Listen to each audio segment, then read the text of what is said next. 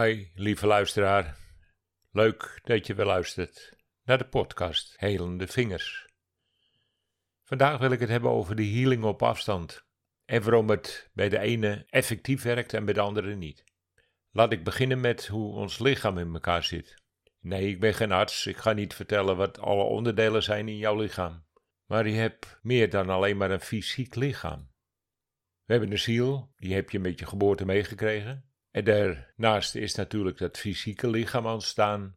Maar wat de meeste mensen niet zien, is dat om ons fysieke lichaam een spiritueel lichaam zit.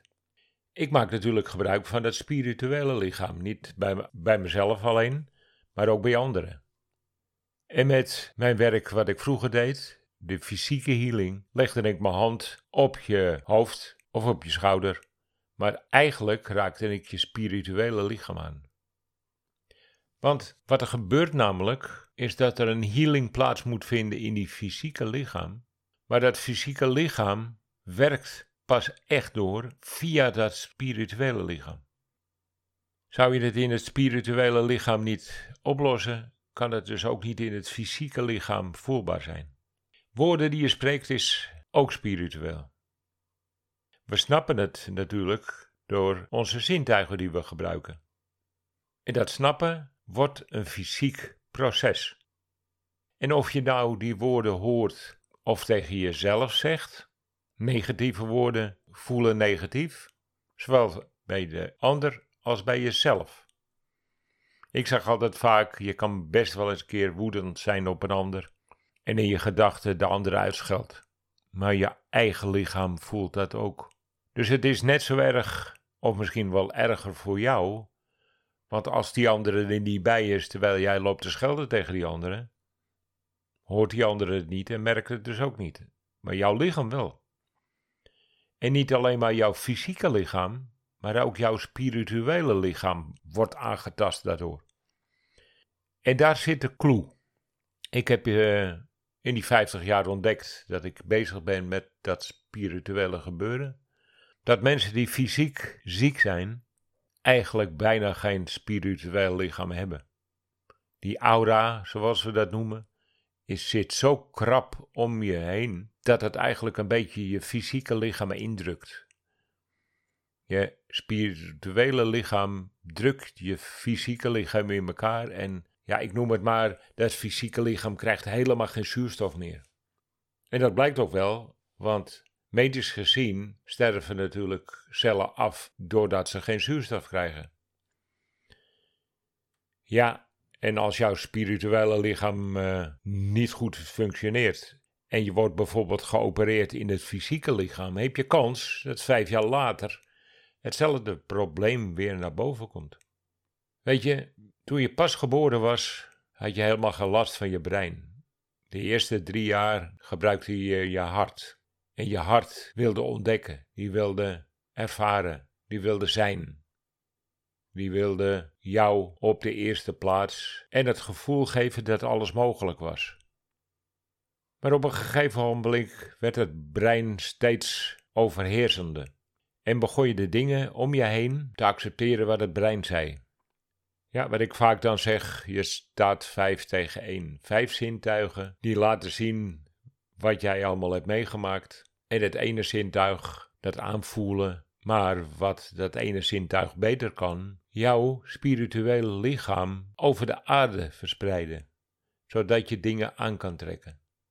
Het mooiste is van het spirituele lichaam dat het, zodra het accepteert dat jouw fysieke lichaam geheeld wordt, je fysieke lichaam vanzelf volgt.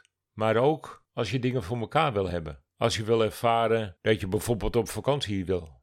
Veel mensen gebruiken dan het vakantieboekje om te kijken waar ze volgend jaar naartoe willen. En hebben dat gevoel al op dit moment in zich. Want dat is zo'n fijn gevoel om even drie weken lang heerlijk op vakantie te zijn in zo'n prachtig land. Al die zintuigen zorgen ervoor dat ze het nu al kunnen ervaren op het moment dat ze het gaan bestellen. En dat gekke is, je gebruikt het niet om bijvoorbeeld je leven te gaan veranderen. Want op het moment dat je op dezelfde manier bezig bent, dat je met alle zintuigen bezig bent naar dat wat je voor elkaar wil brengen, Of het nou op vakantie is, of dat je een lichamelijke klacht wil oplossen. Want ik kan wel op een afstand healen. En ik kan dat spirituele lichaam wel heilen. Dat gebeurt wel degelijk. Maar jij moet ervoor zorgen dat het fysieke lichaam aan bod komt. Jij moet ervoor zorgen dat het fysieke lichaam accepteert dat er een verandering in het proces is gekomen. Dus eigenlijk moet je hetzelfde doen alsof je in een folder dat nieuwe lichaam kan bestellen. Zonder pijn, prachtig zoals het eruit moet zien. En dit is heel simpel. Je kijkt gewoon hoe het eruit moet zien. En ga met alle zintuigen hetzelfde naar voren brengen. En hoe meer je vanuit je hart leeft, hoe meer je spirituele lichaam groeit. Ik heb het mijn hele leven al gebruikt. Ik heb het nergens geleerd. Ik heb het uh, gehoord via mijn spirits. En die vertelde al, als ik wilde veranderen van baan, zie het voor je wat voor baan je zou moeten hebben. En binnen een week kreeg ik een nieuw aanbod. Ik heb nog nooit gesolliciteerd, dat hoefde niet. Ik heb voor het UWV mogen werken, voor mensen die ouder dan 50 waren en langer dan 10 jaar ziek. En ik vertelde dat ook. Jij moet geen werk zoeken, dat werk moet jou vinden. Als jij precies weet wat je wil, met alle zintuigen, en je verlangt er vanuit je hart naar, gaat het lopen zoals jij het wil. Het is een goddelijk proces. Of je nu gelooft in een hogere macht of in een ander proces, het maakt niet uit wat jij gelooft, want dat is wat je brein je geleerd hebt. Ik weet inmiddels dat jouw fysieke lichaam altijd met iedereen verbonden is, met alles wat is. Of je er nou gebruik van maakt of niet. Maar ja, wil je veranderen, dan is het natuurlijk grappig om daar eens mee aan de slag te gaan. En weet je, zodra je weet hoe het uh, spirituele proces werkt, zal het fysieke dat ook gebeuren. En ik weet dat je liever hebt eerst zien en dan geloven. Ja, zo werkt het in de spirituele wereld niet. Je zal het eerst moeten geloven voordat je het gaat zien. De afgelopen jaren heb ik die Bijbel eens een keertje weer doorgelezen, van begin tot eind. En eigenlijk staat het in die oudste geschriften ook al. Eerst geloven en dan zien. En als het goed is, dan is jouw spirituele lichaam vele malen groter dan je fysieke lichaam.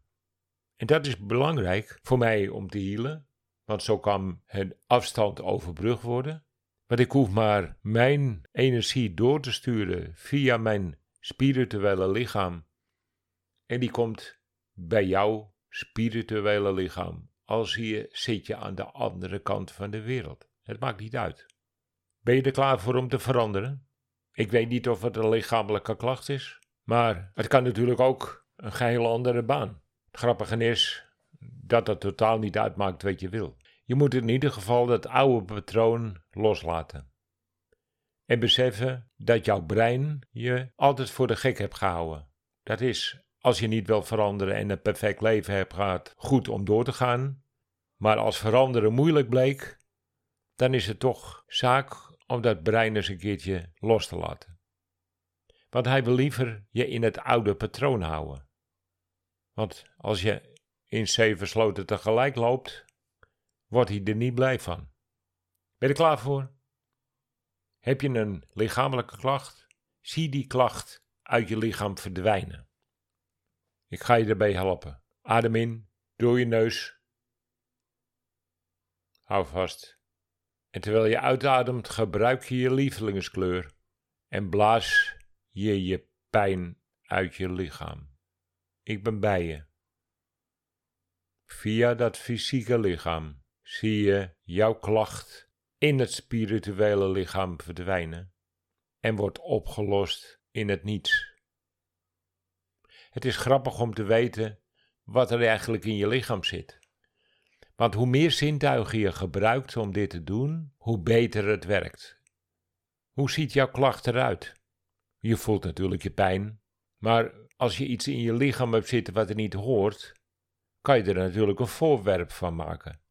Je kan dus visualiseren wat voor voorwerp het is, wat voor kleur dit het voorwerp is en welke vorm het is, en, maar ook uit wat, welk materiaal het gemaakt is. Zodra je dat weet, kan je het ook bijvoorbeeld pakken. Want je hebt een fysiek lichaam en er zit dus ook iets fysieks in je lichaam wat er niet hoort. Eigenlijk heb je je klacht dus nu, wat je spiritueel ervaarde, nu fysiek gemaakt. Trek het uit je lichaam en voel dat mijn handen en zelfs nog meer handen van de spirits jouw handen helpen dat wat je niet in je lichaam wil verwijderen. Adem in en trek het uit je lichaam. En op het moment dat je het weg hebt getrokken, vul je op met je uitblazen in je lievelingskleur. Blaas je lievelingskleur in je lichaam. Kan natuurlijk ook zijn dat je van baan wil veranderen. Het is heel makkelijk om van baan te veranderen, want je hebt vast wel een idee waar je zou willen werken. Zie voor je dat je al op je afdeling werkt, of dat bedrijf, of in die situatie zit. Maak het met al de zintuigen zo acceptabel mogelijk. Hoe ziet die eruit? Met wat voor collega's werk je? Wat voor sfeer hangt daar? En, natuurlijk ook belangrijk, wat voor werk wil je er gaan doen? Je zal merken hoe meer zintuigen op één lijn staan, hoe beter je bezig bent met het naar je toe te trekken. Want ook dit gebeurt weer vanuit het fysieke lichaam, wordt doorgegeven aan je spiritueel lichaam en komt dus in het al. Voel hoe het voelt, maak het materie en zet het in jouw kleur. Merk dat je het vast kan houden. Merk dat zodra jij heel duidelijk kan ervaren hoe het eruit ziet, dat het snel waarheid gaat worden. Of dat nou fysiek is met een baanverandering, of dat het nou fysiek is met je klacht opruimen. Grappige ook is dat niet altijd die klacht direct veranderd kan worden, omdat er lichaamcellen zich moeten aanpassen. Maar in de regel gebeurt dat in de nacht. Dat gebeurt niet alleen als je ziek bent. Elke nacht herstelt jouw lichaam. Het merendeel van de herstelling zal dus gebeuren met een kopiëren van het oude lichaamcel. Dat houdt dus in ook dat je dus dat zieke lichaam kopieert met nieuwe cellen. Je zal dus verandering moeten brengen in dat fysieke lichaam, zodat hij in de nacht de goede cellen ook gaat veranderen. Voel hoe het is als jij hebt wat je wil. Gebruik alle zintuigen die je hebt. En vertrouw je hart dat hij het zal brengen naar je. Ik dank je voor het luisteren naar de podcast Helende Vingers. Tot de volgende keer.